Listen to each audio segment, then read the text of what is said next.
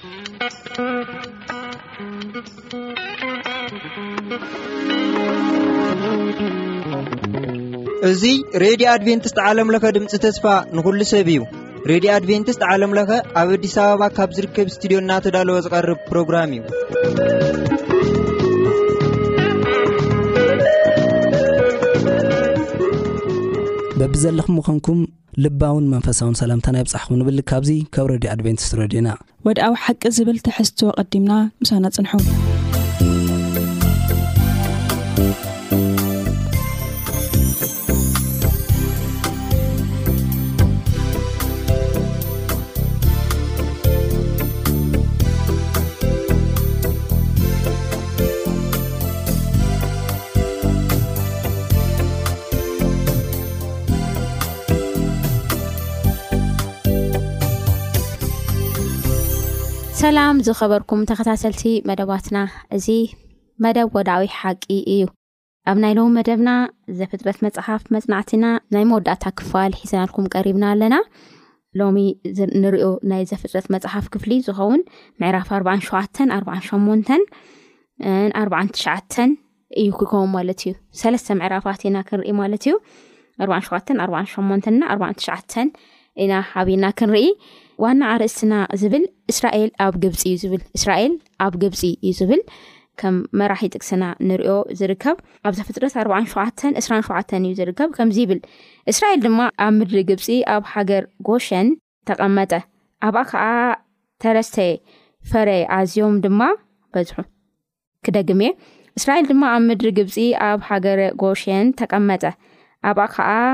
ተረስተዩ ፈረዩ ኣዝዮም ድማ በዝሑ ይብል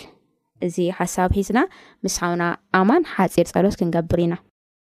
ኣብ ሰማያት ትነብር ቅዱስ እግዚኣብሔር ኣምላኽና ስለ ቃልካ ስለ ፍቅርካን ምሕረትካን ፈጣሪ እውን ስለ ዝኮንካ ነመስግነካ ኣለና ጎይታና ሕጂ ድማ ቃልካ ክነማየጥ ከለና ንስኻ ምሳና ክትከውን ክትመርሓና ምስትውዓል እውን ክትበና ኣስተውዒልና ድማ ብቃልካ ምንባር ንክእሉ ፀጋ ክተብዝሓልና ንልምነካ ኣለና ኣብ ዝተፈላለየ ኩነታት ኣብ ዝተፈላለየ ፀገማትን ሽግራትን ኮይኖም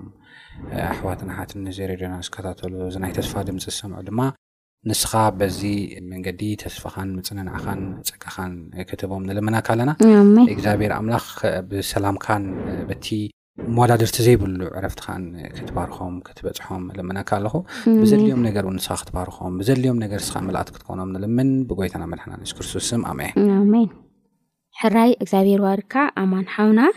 ደጊመ ከዓ እንኳዕ ደሓን መፃኹም ክብለኩም ፈቱ ንክልቴኹም ሃፍትና ሰላም እውን ምሳና ኣላ ማለት እዩ እሞ ኣምቲ ዝበልናዮ ናይ ዘፍጥረት መፅሓፍ መወዳእታ ክፋል መፅናዕቲና ኢና ሎማዓንቲ ክንርኢ ማለት እዩ ኣብ ዝሓለፈ ከምቲ ዝረኣናዮ ዮሴፍ ንነዊሕ ዓመታት ካብ ወለዱ ብፍላይ ካብ ኣቦኡ ተፈልዩ ካብ ህዋሱ ተፈልዩ ኣብ ግብፂ ከም ዝነበረ ኢና ንርኢ ኣለና እና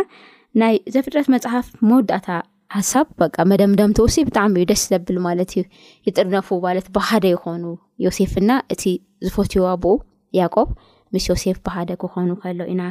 ንርኢ ማለት እዩና ሎሚ ኣብኡ ኣድሂብና ንዘራረቦ እዩ ዝኸውን ስለዚ እቲ ናይ መጀመርያ ሕቶ ናብ ሓውና ኣማን ናባኸ እየ ክገብር እሞ ኣብዛ ፍጥረት ምዕራፍ ኣርባዓን ሽዱሽተን ያቆብ እታ ናይ ሰላም ዓዲ ኢሉ እግዚኣብሄር ኣተስፊሉ ዝነብራ ከነኣን ምድሪ ገዲፍዎ ናብ ግብፂ ክወርድ ከሎ ኢና ንርኢ እና ንምንታይ እዩ እዚ ኮይኑ ሕጂ እቲ ዋና ካብቲ ዝነበሮ ከነኣን ቦታ ናብ ግብፂ ክወርድ ዝገበሮ እቲ ዋና ምክንያት ናይ ዮሴፍ ብሂወት ምንባር እዩ እምበር ኣብቲ ከነኣን ጥሜት ነይሩ ይብርግፅ ነቶም ደቁ ልኢኹዎም ነይሩ እዩ። ምኻድ ኣየድለዮን። ነቶም ደቁ ሸሚቶም ክመጹ ልኢኹዎም ነይሩ እዩ። ስለዚ እቲ ጥሜት ኣይኰነን ንያእቆብ ናብ ከንኣን ክወርድ ዝገበሮ፣ ናይ ዮሴፍ ምህላው እዩ። ናይ ዮሴፍ ምህላው ጥራሕ ኣይኰነን፣ እቲ ዮሴፍ እውን ጻውዒት ገይሩሉ እዩ። ጻውዒት ገይሩሉ እዩ ንዓ ኢልዎ እዩ ካብ ዝተላዕለ እቲ ናይ ዮሴፍ ኩነታት እቲ ዘለዎ እቲ ኩሉ ነገራት ሂቦ እዩ ኣነ ብጣዕሚ ኣብ ዝገርመኒ ነገራት እግዚኣብሄር ንኣብርሃም ዘተስፈወሉ ቦታ እዛ ከነኣን እዛ ምድሪ ከነኣን ክትወርሳ ኢኻ ዝተባሃለት ቦታ ክረአ ከሎ ብሰብ ዓይኒ ወይ ድማ ብያቆብ ዓይኒ ዋ ከመይ ገይረ ዝወርሳ ምድሪ ጥሜት ከላ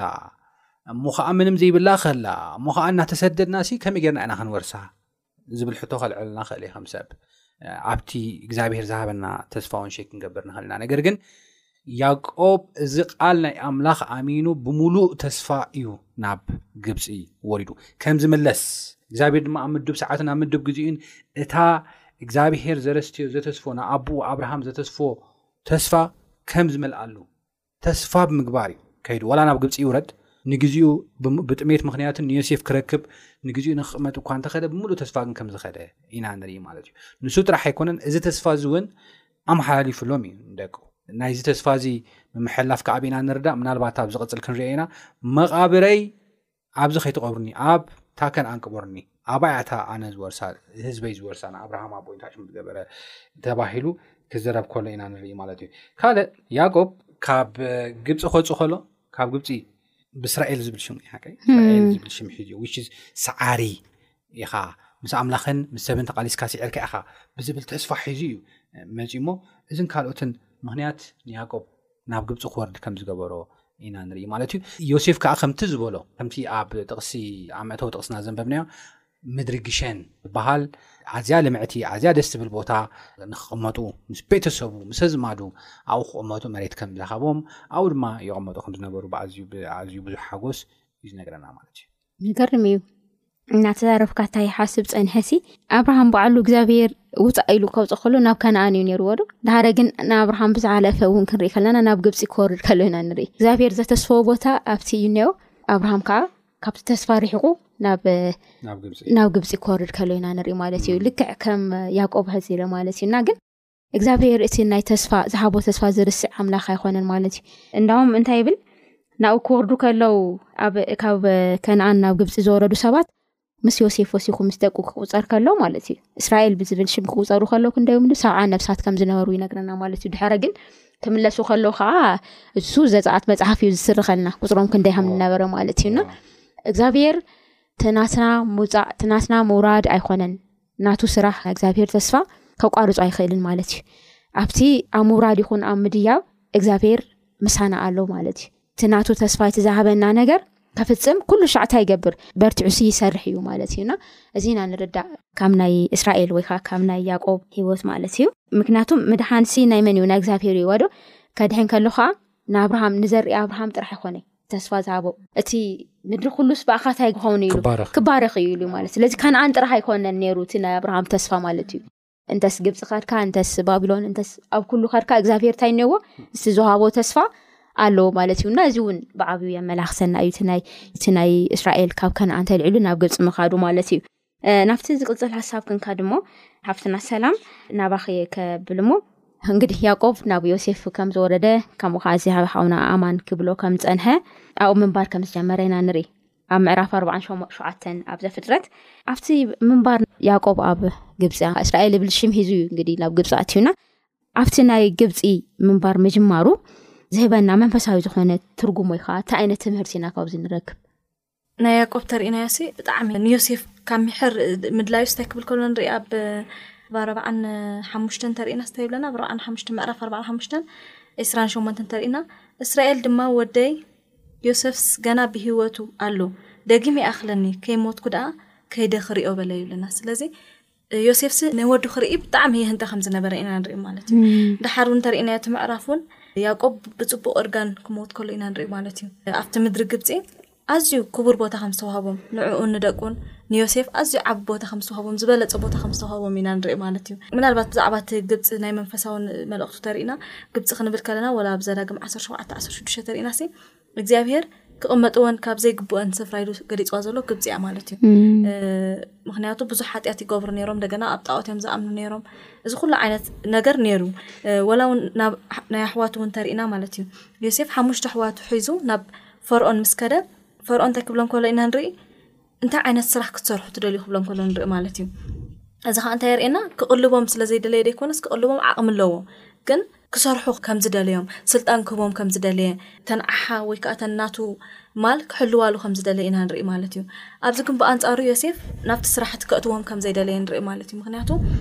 ናብቲ ዓለማዊ ዝኾነ ሓላፍነት ኣትዮም ኣብ ፈተና ከይጋለጹ ስለ ዝደለየ ማለት እዩ ምክንያቱ ናይ ክርስቶስ ተስፋ ኣብ ውሽጦም ነይሩ እዩ ማለት እዩ ደቂ ሓምቲ ካብ ኣፍራሃም ኣትሒዞም ዝፅበይዎ ዝነበሩ ተስፋ ናይ ክርስቶስ ምውላድ ማለት እዩ ወላ እውን ካብ ኣዳም ጀሚርና ኢና ንሪኦ ናይ ክርስቶስ ምውላድ ይፅበይዎ ከም ዝነበሩ ስለዚ እዚ ነገር እዚ ተስፋ ስለ ዝነበሮም በዚ ነገር እዚ ከይሰናኸሉ ኢሎም ዮሴፍ ከኣ ነዚ ሓላፍነት እዚ ከም ዘይደለዮ ኢና ንርኢ ማለት እዩ። ኣብዚ ከኣ ኣብዚ እውን ካልእ ዓቢ መንፈሳዊ መልእኽቲ ንዕዘቦ ከኣ እንታይ እዩ ብዛዕባ ሊቀ ካህን ሓሳብ ይህበና። ምክንያቱ እንታይ ይብለና ያዕቆብሲ ደው ኣቢሉ ፈርኦን ክባርኾ ከሎ ንርኢ ማለት ስለዚ ምብራኽ ናይ መን ስራሕ እዩ ኣብ መጽሓፍ ቅዱስና ኣብ ዘለዋውያን ዓሰርተ ኣርባዕተ ዓሰርተ ሓደ ተሪእናሲ ካህን እዩ ዝባርኽ ስለዚ ፈርኦን እንታይ እዩ ዝረአ ነይሩ ንጉስ እዩ ዝረአ ነይሩ ወይ ከዓ ከም ሊቀ ካህን ናይቲ ዓዲ ሓላፊ እዩ ድረኣ ነይሩ ግን ያቆብ ልዕሊ ፈርኦን ወይ ከዓ ልዕሊ ልቀ ካህን ኮይኑ ክባርኾ ከሎ ንርኢ ማለት ስለዚ እዚ ከዓ እንታይ የርእየና ናይ እግዚኣብሔር ስልጣን ልዕሊ ዓለማዊ ስልጣን ከም ዝኾነ ኢና ካብዚ ንዕዘብ ማለት እዩ ኣሜን እግዚኣብሔር ሉዓላዊ ምዃኑ እና ንርዳእ እግዚኣብሔር ይመስገን ንምንታይ ሲ ኣብኡ ቦታ እሱ ንንጉስ ግብፂ ክምርቅ ከሎና ንርኢ ካብኡ ግን ኣያቋረጸን እቲ። ንሱ ጥራሕ ዘይኮነ ሓፍትናቹ ኣነ ከኣ እንታይ ይርኢ ምናልባት ኣብ ዝሓለፈ ትምህርትና ሓንቲ ከይጠቐስናያ ዝሓለፍና ነገር ተሃለወት እንታይ እዩ በዓል ያዕቆብ በዓል ብፍላይ ዮሴፍ ብፍላይ ድማ ናይ እዚ ዘፍጥረት ታሪክ ጸሓፊ ኬና ክንርኢ ከልና እቲ ናይ ግብፂ ፈርኦን እኮ ቀይሩሉ ነይሩ እዩ ሽም ዘፈናት ፐናያ ኢሉ ሰበይቲ እውን ኣሰናት ክትከውን ሂብዎ ነይሩ እዩ ግን እንታይ ኢሉ ይፅሕፎ ነይሩ ሽሙ ዮሴፍ ዮሴፍ ኢሉ ይፅሕፎ እቲ ሙሴ ፀሓፊ ዘፈናት ፐናያ ኢሉ ኣይፅውዖን እዩ ንዮሴፍ እዚ እንታይ እዩ ዘርእኪ ሽም ምቕያር ብኣማልኽቶም ሽም ገይሩ ዘፈናትፈናያ ማለት ናይታ ምድሪ ናይታ መሬት ምግቢሲ ሂወት እዩ ዝብል እዩ ትርጉም ብካልእ ኣባህላ እታ ምድሪ ባዕላ ሂወት ኣምላኽ እያ ባዕላ እካብኣ ዝርከብ ፍረስ ኣምላኽ እዩ ይምለኽ ነይሩ እዩ እቲ ምግቢ ማዕሉ ማለት መሬት ባዕሉ ይምለኽ ነይሩ ሓደ ኣምላኽ እዩ ትመሬት ማለት እዚ ኣይተቐበልዎን ወላ ኣብ ግብፂ ይንበሩ ዋላ ኣብ ጣዖት ኣምልኾም ምንባር ይሃሉ ኖ ኢሎም ታሽሙ ክገብሩ ከሉ ኢና ንርኢ እንደገና ሕጂ እውን ያቆብ ንፈርኦን ክምርቆ ከሎ በቲ ናቱ ኮምፕሮማይዝ ገይሩ ኣነ በቲ ናትካ ግብፂ ክምርቀካ ይበሉ እቲ ልዑል ኣምላኽ ንሱ ይባርኽካ ክብሎ ከሎ ኢና ንርኢ ማለት እዩ ኣብ እምነት ዝነበሮም ፅንዓት ወለም ዘለም ዘይብል ጠንካራ እምነት ከም ዝነበረ የርእየኒ ኣሜን እወ ብጣዕሚ እምነቶም ጠንካራ ከም ዝነበረ እውን ካብዚ ንርዳእ ማለት እዩ ካሊእ ሓሳብ ኣይውስኽን ቀፂሉ ናብ ዘሎ ሓሳብ ክንካ ድሞ ናብ ምዕራፍ ኣርባዓን ሻሞንተን እንምፃእሞ ኣብኡ ኸዓ እንሮቤል እንይሁዳ ዓበይቲ ቆልዑ ነይሮሞ እዩ ያቆብ ዓበይቲ ቆልዑ ነይሮሞ እና ዮሴፍ ከዓ ኣብ ግብፂ ከሎ ክልተ ኣወዳት ከም ዝወለደ ኢና ንርኢ ናሃረ እቶም እንይሁዳ እውን ቆልዑ ወሊዶም እዮም ድሓደ ግን ፈልዩ ንደቂ ዮሴፍ ክምርእ ከሎና ንርኢ ኣለና እዚ እንታይ እዩ እንታይ መልእክቲ እዩ ዝህበና እዎ ሕጂ ኣብቲ ኣብ ምብራኽ ወይ ድማ ኣብ ምምራቕ ዘሎ ነገር ዓብዪ ከም ዝኾነ ኣብ ህዝቢ እስራኤል ዓብ ቦታ ከም ዘለዎ እግዚኣብሄር ድማ ብኡ ሓሊፉ ይሰርሐ ከም ዝነበረ ይነግረና ኣብዚ ነገር እዚ ማለት እዩ ቀሊል ኣይኮነን ኣብኦም ኬድካ ምብራኽ ትዝክሪ ኢኺ ይሳቅ ኣቦኦም እውን ኣቦ ያቆብ ንዒሳውን እውን ክንርኢ ከለና ተጓዮም ነቲ ምረቓ ረኽቡ ተጓዮም እዮም ክልቲኦም ኣንፎርነትሊ ኤሳው ኣይረኽቦን ትምረቓት ያቆብ ይረኺቦ በዛ መልክዕ እዚ ድማ እግዚኣብሄር ኣብቲ ምረቓት ጣልቃ ኣትዩ ንያቆብ እቲ ዘርኢ መቐፀል ናይቲ ተስፋ ከም ዝገበሩ ኢና ንርኢ ማለት እዩ ሕጂ እውን ከድና ክንርኢ ከለና ኢንቲመሲ ኢና ንርኢ ኢንቲመሲ ኢና ንርኢ ምስ ዮሴፍ ኣቦኻ ሓሚሙ ኣሎ ምስ በልዎ ዳይረክት ዮሴፍ ወሪዱ ወሪዱ ከዓ ዝገበሮ እንታይ እዩ ንደቁ እዩ ኣቕሪብሉ ባርኸለይ ዓብ ቦታ ከም ዝነበረ ኢና ንርኢ እግዚኣብሄር ብኦም ይሰርሕ ከም ዝነበረ ዝነበሮም እምነት ኢና ንርኢ ማለት እዩ ብርግፅ ድማ እግዚኣብሄር ይሰርሕ ነይሩ እዩ ኣብቲ ምረቓት ክንርኢ ከለና ንባዕሉ ሲ እንታይ እዩ ገይሩ ክምረቖም ከሎስ ደቅኻ ናብ ዘቕርብ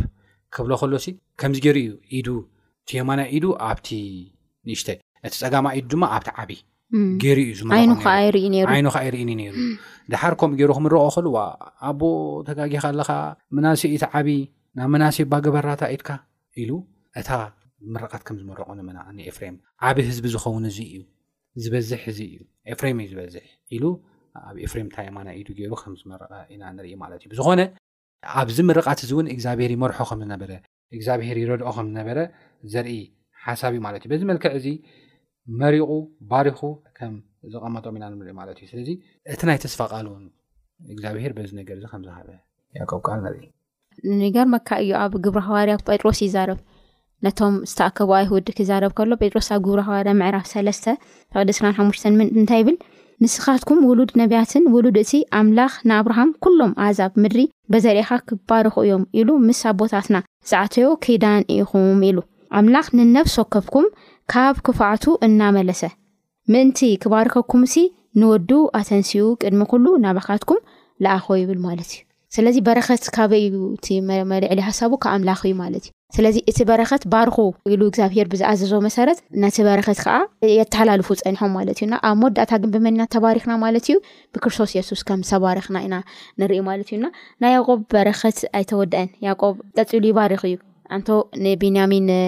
ምናሴ ፈልዩ ክባርክ ከሎ ኢና ንርኢ ኣለናና እንደገና ይመፅ ሞ ኣብ ምዕራፍ ኣርባዓን ትሽዓተን ንደቁ ይባርኽ። እዚ ኸኣ ለለዎ መንፈሳዊ ትርጉም እንታይ እዩ? ኣብተን ዳሕረዎት መዓልቲ ኢሉ ክጅምር ከሎ ኢና ንርኢ፣ ክባርኽ ከሎ ማለት እዩ። ስለዚ እቲ ዘጋጥሞም እዚ ንባዕሉ ትንቢት እዩ ማለት እዩ። ምርቓት ጥራይ ዘይኮነ ትንቢት እዩ ማለት እዩ። ስለዚ እዚ ምናልባት ሓሓደ ግዜ ጽሑፍቶ ዝበሃል ነገር ምስ ከምኡ ይተኣሳሰር ዶ? ምክንያቱ ኣብዚ ክንርኢ ከለናስ ንበዓል ሮቤል ግደ የብልኩምን ክብሎም ከሎ ኢና ንርኢ ማለት እዩ። ምክንያቱ በቲ ዝገበርዎ ሓጢኣት ተደሪኹ ማለት እዩ። ወይ ከኣ እግዚኣብሄር እቲ ባህሪኦም ስለ ዝፈልጥ ነበረ። ግን እዚ ማለት ከኣኒ እግዚኣብሄር ንሕማቕ ይጽሕፈልና ወይ ከኣ ንጽቡቕ ይጽሕፈልና ማለት ዘይኮነን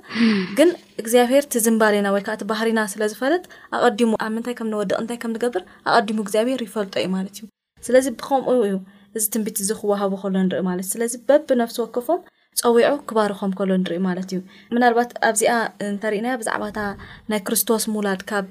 ይሁዳ ከም ዝኸውን ክባርኾ ከሎ ንይሁዳ እንተሪእና ኣብ ኣርባዓን ትሽዓተን ትሽዓተ ተሪእና እንታይ ይብሎ ይሁዳን ሽደን ኣንበሳ እዩ ይብለና ስለዚ ኣንበሳ ከዓ እንታይ እዩ ንጉስ ናይ ጫካ ምዃኑ ወይ ከዓ ንጉስ ነገስታት ንጉስ ናይቶም ወይ ከዓ ሓላፊ ምዃኑ ኢና ንርኢ ስለዚ ከዓ ንጉስ ወይ ከዓ ኣንበሳ ከዓ ንመን እዩ ዘመልክት ንክርስቶስ ምዃኑ ወዲ ካብ ምርኮ ደየብካ ከም ኣንበሳ ተኾርምዩ ደቀሰ ከም ኣንስቲ ኣንበሳ እኳ ደኣ መን የተስኦ ሺሎ ክሳዕ ዝመጽእ ካብ ይሁዳ በትሪ ዘንጊ ገዛኢ ከኣ ኣብ ማእከል ኣእጋሩ ኣይዘንብል ሕዝብታት ይእዘዝዎ ይብለና ስለዚ እዚ ከኣ ናይ ክርስቶስ ነገር እዩ ዘመልክት ማለት እዩ ምክንያቱ ከምቲ ዓንተይ ዝበልክዎ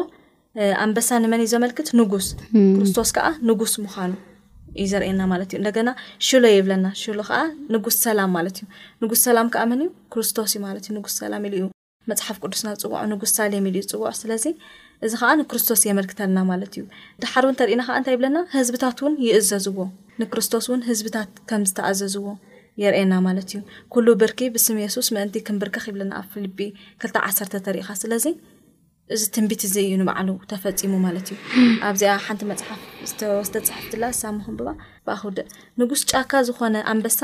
ነዚ ነገድ እዚ ብትኽክል እዩ ዝገልጾ። ምኽንያቱ ዳዊትን እቲ ወዲ ዳዊት ሽሎ ኩሎም ሓይልታት ክሰግዱሉ ኩሎም ህዝብታት ድማ ክግዝእዎ ሓቀኛ ኣንበሳ ንጉስ ይሁዳ ካብኡ ስለ ዝመጸ እዩ ይብለና ስለዚ ናይ ክርስቶስ የመልክት ማለት እዩ ያዕቆብ በቃ እግዚኣብሄር ብራእይ ገይሩ ኣርእዎ ኣሎ ማለት እዩና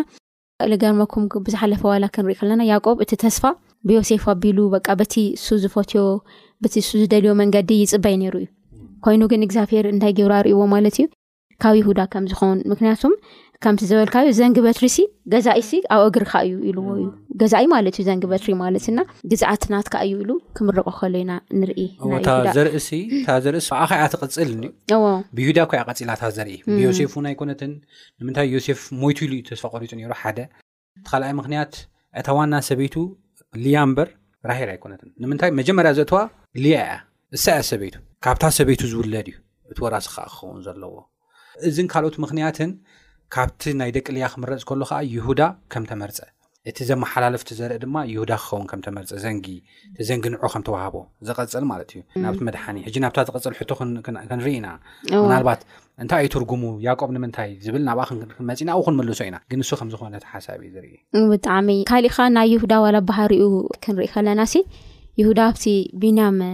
ኣብ ተኣሰረሉ ግዜ ሲ ኣርሱ ኣሓሊፉ ከብል ከሎ ኢና ንርኢ። ብስነ ምግባር ኣብቲ ናይ መጀመርያ ናይ ህጸነቱ ግዜ ንዮሴፍ ዝነበረ ሓልዮት ደሓን እዩ ነይሩ ካብ ንቐትሎ ንሽጦ ዝብል ኣመለኻኽታ እዩ ነይሩ ግን ሓፈሻዊ ባህርያቱ ክትርኢ ከለኸ ግን ከምዚ ናይ ምንዝር ገለመለታት ዓይነት ናይ ምትላል ንሰበይትኻ ዘይምኽባር ነገር ይረኣዮ ከም ዝነበረ መፅሓፍ ቅዱስ ዝጠቕሰልና ንእሽተይ ጥቕስታት ኣሎ ክልያውሰ መፅሓፍ እዎ እንታይ እዩ እቲ መፅሓፍ ቅዱስና ናይ ሰብ ውድቀት የርእካ ናይ ሰብ ዳ ከዓ ስትሮንግ ዝኾነ ማለት ጥንኩር ዝኾነ መንነት ከዓ የርእካ ማለት እዩ እና ይሁዳ እዚ ፀጋ እግዚኣብሄር እዩ ናብዚ ክብሪ ዘብቅዕዎ እምበ ካብ በዓሉ ምንም ነገር የብሉን ኮይኑ ግን ኣብቲ ንእሽተን ባህሪታቱ ክንሪኢ ከለና ናይ ምርህራሕ ነገር ነይርዎ ንዮሴፍ የብል ነይሩ እዩ ዶ ኣብቲ ና መጀመር መሊሱ ከዓ ቢንያም ክተሓዝ ከሎ ከዓ ንዓይ ውሰደኒ ኢሉ በቃ ክቃልስ ከሎ ኢና ንርኢ ሓሊፍካ ንዓይ ሰረኒ ክብል ከለና ንርኢ ራህሪህሉ እውን እኮ ኣይኮነን ቹቺ ኦ ራህሪህሉ እውን እኮ ኣይኮነን ኢንተርምስ ኦፍ ገንዘብ እዩ እንታይ ድልዎም ኣብኡ ንሕና ሲ ሓውና ቀቲልና እንታይ ኢና ክንረክብ እሞ ገንዘብ ተረከብና ይሓይሽ እዩ እምበር ንዮሴፉን ርህርህ ኣይኮነን እኮ ተዝርህርህ ንምለሶ ኢሉ ከም ሮቤል ምተኸራኸረ ግን እሱ እንታይ እዩ ንጠቀም ዳብል ስታንዳርድ ንኹን ንዕኡ ንሽጦ ነቲ ሓልማ ሓላም እውን ኣብኡ ከለና ንሽጦ ንሕና እውን ገንዘብ ንጠቀም እዩ ብሪላንት ስማርት ዓይነት ከም ነበረ እዩ ዘርእየና እምበር ርህራሄ እውን ኣብኡ ኣየርእየናን ኢና ይሁዳ እኮ ግን እታ ጸጋ ዝበልክያ ናእግዚኣብሔር ጸጋ እንድዩ ሓሊፉ ግን ንብሶ ኢልካ ተንበቦ ትርኢ ከለካ ዝኾነ ሀዚ መተካእታ ካልእ ሰብ ምትካእ ማለት ቀሊል ኣይኮነን ኣዚ ቢንያም ክወስዶ ኢሉ ዮሴፍ ምሰበሎ ታ ኢሉ በቃ ንዓይ ውሰደኒ ኣቦይማ ብሂወት ኣይነብሪ ዝወዲ ተቐር ኢሉ ከእዊ ከሎ ኢና ንርኢ እና ዋላ ድኻም ይሃሉ ብዙሕ ነገራት ብድኻም ዋላ ይክድና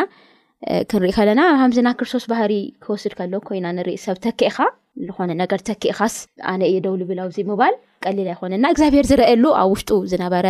እምነት ነይርዎ እግዚኣብሄር ክመርፆ ከሎ ሃምዚ ርዩ ኣይኮነን ብቅድሚት ርዮ ከም ናይ ያቆብ ልክዕ ያቆብ በዓል ኮ ክንደይ ግዜ እዩ ክወድቕ ርኢናና ምሕረትን ፀጋን ኣምላክ ግን ንይሁዳ ከም በትሪ ዘንጊ ክርስቶስ ካብኡ ትውለድ ማለት እዚ ቀሊል ኣይኮነን ግን ናብ ይሁዳ ህይወት ካይድና ክንርኢ ከለና ጥብዝብዝ ደበለ እዩ ኣርባዕተ እንዲዮም ነይሮም እቶም እዎ። ደቃ ኣርባዕተ እዮም እኮ ደ- ደቃ ነይሮም ስምዖን ነይሩ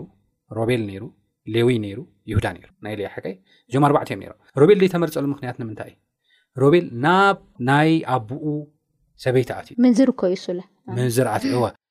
ሌዊን ስምኦንን ከዓ እንታይ ገይሮም እዮም ክነግር ዘካኢሎም ነይሮም ብዙ ብጣዕሚ ብዙሓት ሰባት ቀትሎም እዮም በዚ ብቑዓት ከይኮኑ ተሪፎም ይሁዳ ኣብ ከምዚ ዓይነት ነገር ኣያተውን ብዝብል እዩ ንዓይ ዘርዳእኒ እወ ፅቡቅወይቲ ናይ ምምራፁ ካልእ እውን ክኸውን ይኽእል ናይ እግዚኣብሔር ኣመራርፃ እዩ እና እግዚኣብሔር ናብ ዓሉ ኣመራርፃ ህሉ እዚ ዋንኡታይ ከምቲ ሰላም ሓብተ ዝበለቶ ፀጋ እግዚኣብሔር ኢና ንርኢ ማለት ኣብ ዋላ ኣብ ሮቤል ኣብ ኩሎም እንሪኦ ነገር እንታይ እዩ? እቲ ዓብዪ ፀጋ እግዚኣብሄር እዩ። ምስ ውድቀቶም ምስ ጥፍኣቶም ዋላ እግዚኣብሄር እናደገፈ ከም ዘቐውም ኢና ንርኢ እና እዚ ዓብዪ ወላ ያዕቆብ ሹመት እንተሪእና ሰ ኣታላሊ እዩ ነይሩ ኣታሊሉ እዩ ካብ ሓዊ እዋ ስልጣን ኮስከሎ ንርኢ ግን እግዚኣብሔር ብፀጋ ከም ዝፀውዖ ከም ፀውዖ ኢና ንርኢ ንርኢ ኣለና እና መታለሊ ዝነበረ እንደገና ከቐውም ከሎ ኣመንዝራ ዝነበረ እንደገና ክምልሶ ከሎ እናበለ እናበለ ናብቲ ናብ ንኣና እውን ናብ ምድሓን ዘምፀአና ናብ ክርስቶስ የሱስ ኣብፅሑና እዩ እሞ እዚ እዩ ዘርእየና ናይ ይሁዳ መንነት ኣብ ናይ መወዳእታ ሐሳብና ንመጽእ እሞ እዚ ኣብታ ምድሪ ተስፋ እግዚኣብሔር ዝሃቦ ቃል ኢና ንርኢ ኣብታ ምድሪ ተስፋ እንግዲህ ከነኣን እያ ዋዶ ኣብታ ከነኣን እግዚኣብሔር ዝሃቦ ሓሳብ ኣብ መወዳእታ ምዕራፍ ናይ ዘፍጥረት ይርከብ ኢልና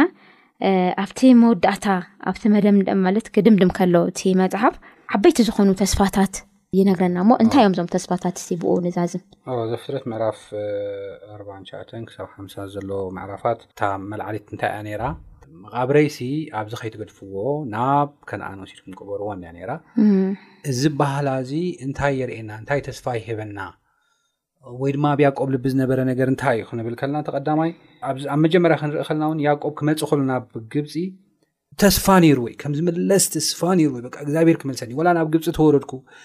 ሲምስ ላይክ በቃ ዘይፍፀም እኳ ተመሰለ ናይ እግዚኣብሄር ተስፋ ብዥታ እኳ ተኾነ ናይ ግድን ናብታ ፕሮሚስ ላንድ ናብኣ ክኣቱ እየ ዝብል ተስፋ ነይሩ ወይ ናብታ እግዚኣብሔር ተዘተስፍዋ ምድሪስ እሳስ ክንወርሳ ኢና ዝብል እምነት ዓብ እምነት ሽኻል ገይሮም ኣብኣ ዝንቀሳቀሱ እዮም ነሮም ኢማጅን ኣብኣ ኣብ መወዳእታ ዝብላ ሓሳብ ኣለኒ እዚ ተስፋ እዚ ግን ኢንፋክት ኣብ መወዳእታ ካብ ዝብላ ሕጂ ተበልኳ ሕ ኢንፋክት ተስፋ ወሪሶሞ እዮም ብርግፅ ወሪሶሞ እዮም ግን ድሕሪ ክንደይ ዓመት ድሕሪ ኣርባዕተ ሚትን ሰላሳን ዓመት እዮም ወሪሶሞ ንያቆብ ተቐቢሩ ድሓር ሰላሳ ዓመት ብሰላም ነይሮም ኣርባዕተ ሚት ዓመት ድማ ባርያ ንዮሴፍ ዘይፈልጥ ንጉስ ተስኡ ኣርባዕተ ሚእቲ ዓመት ድማ ባርያ ኮይኖም ድሕሪ ኣርባዕተ ሚእቲ ዓመት ድማ ኣርባዓ ዓመት ተጓዒዞም ኣርባዕተ ሚእትን ሰብዓን እምበረ እዮም እቲ ተስፋ ረኪቦም ብጣዕሚ ዝገርም እዩ ግን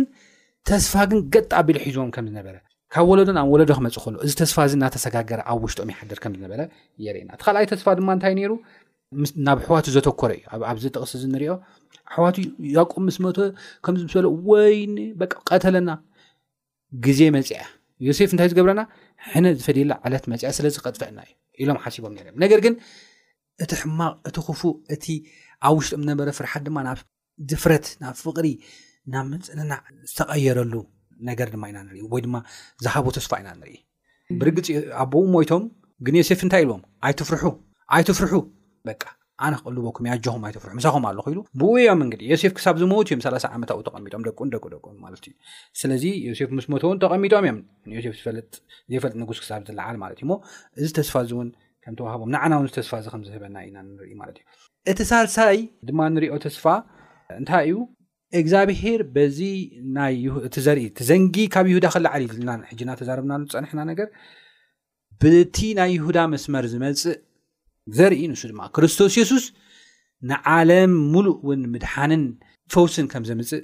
ዝሃበ ተስፋ እዩ እዚ ጥቕሲ እዚ ኣብ ዘፍጥረት ምዕራፍ ሓምሳ ብፍላይ ብዛዕባ ይሁዳ ተዛረቦ ነገር ዝህብ ተስፋ እዩ ማለት እዩ ስለዚ እዚ ነገራት ሓሳብ ኣሜን እግዚኣብሔር ይመስገን እቲ ዝተዋሃበ ተስፋ እሙን እዩ ካብኡ ከዓ ተፈፂሙ እዩና ንኣና እውን እግዚኣብሔር ተስፋ ሂቡና እዩ ካብ ተስፋታት ኩሉ እቲ ልዑል ተስፋ ከዓ ብወዱ ኣቢሉ እግዚኣብሔር ዘዳለወና ሰማያዊ ቤትና እዩና ራእ ዮሃንስ ምዕራፍ 2ስራን ሓደን ፍቅዲ ሓደ ጀሚሩ ስካብ ክልተ እስካ ኣርባዕተ ዘሎ ከምዚ ይብል እዚ ኣንቢብና ንዛዝም ኢና እቲ ቀዳማይን ሰማይን እቲ ቀዳማይ ምድርን ሓሊፎም ባሕሪ እውን ደጊምሲ የልቦን እሞ ሓዱሽ ሰማይን ሓድሽ ምድርን ረኢኹ እታ ቅድስቲ ከተማ እታ ሓዳስ የሩሳሌም ንምርዓዊ ኢላ ከም እተሰለመት መርዓት ተዳልያ ካብ ሰማይ ካብ ኣምላኽ ክትወርድ ከላ ረእኹ። ካብቲ ዙፋን ዓው ዝበለ ድምጺ፣ እንሆ ድንኳን ኣምላኽ ምስ ሰብ፣ ንሱውን ምሳታቶም ክነብር እዩ፣ ንሳቶም ከኣ ህዝቡ ክኾኑ እዮም፣ ኣምላኽውን ባዕሉ ምስኣታቶም ኣምላኽውን ክኾኖም እዩ፣ ኣምላኽ ከኣ ናብ ዘሎ ንብዓት ካብ ኣዒንቲ ክደርዝ እዩ፣ እቲ ቀዳማይ ሓሊፉ እዩ እሞ ድሕር ደጊም ሞት ኣይክኸውንን፣ ድሕር ደጊም እውን ሓዘን ወይ ጫውጫው ወይ ጻዕሪ ኣይክኸውንን እዩ ክብል ከሎ ሰማዕኹ ይብል ማለት እዩና እዞም ሰለስተ ተስፋታት ኣብ እስራኤል እግዚኣብሄር ዝሃቦም ተስፋታት እግዚኣብሄር ደጊፉ እግዚኣብሄር ናብቲ ዝደልዎ ዓዲ ከም ዘብፅሖም መፅሓፍና እሙን ዝኾነ ምስክርና እዩ ንኣና ከዓ እግዚኣብሄር ዘዳለወና እቲ ካብ ተስፋ ኩሉ ዝዓበየ ተስፋ ኣለና ማለት እዩና እዚ ተስፋ እዚ